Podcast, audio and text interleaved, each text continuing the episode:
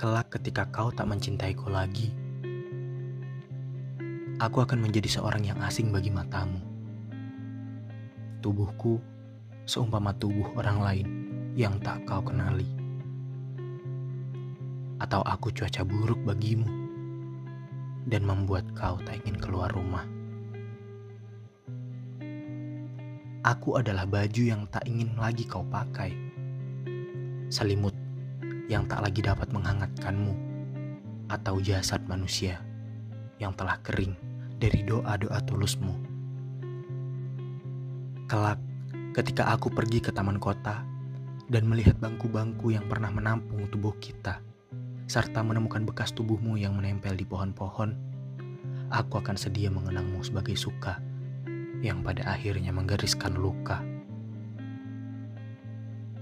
Aku paham, kehilangan memang tak memiliki arloji. Sebab itu, kesedihan tak pernah tepat waktu.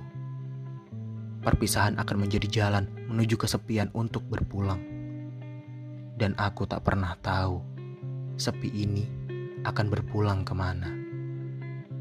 Tubuhku, kepalaku, atau ke atas langit dan memuntahkan hujan yang tak sanggup kutampung derasnya.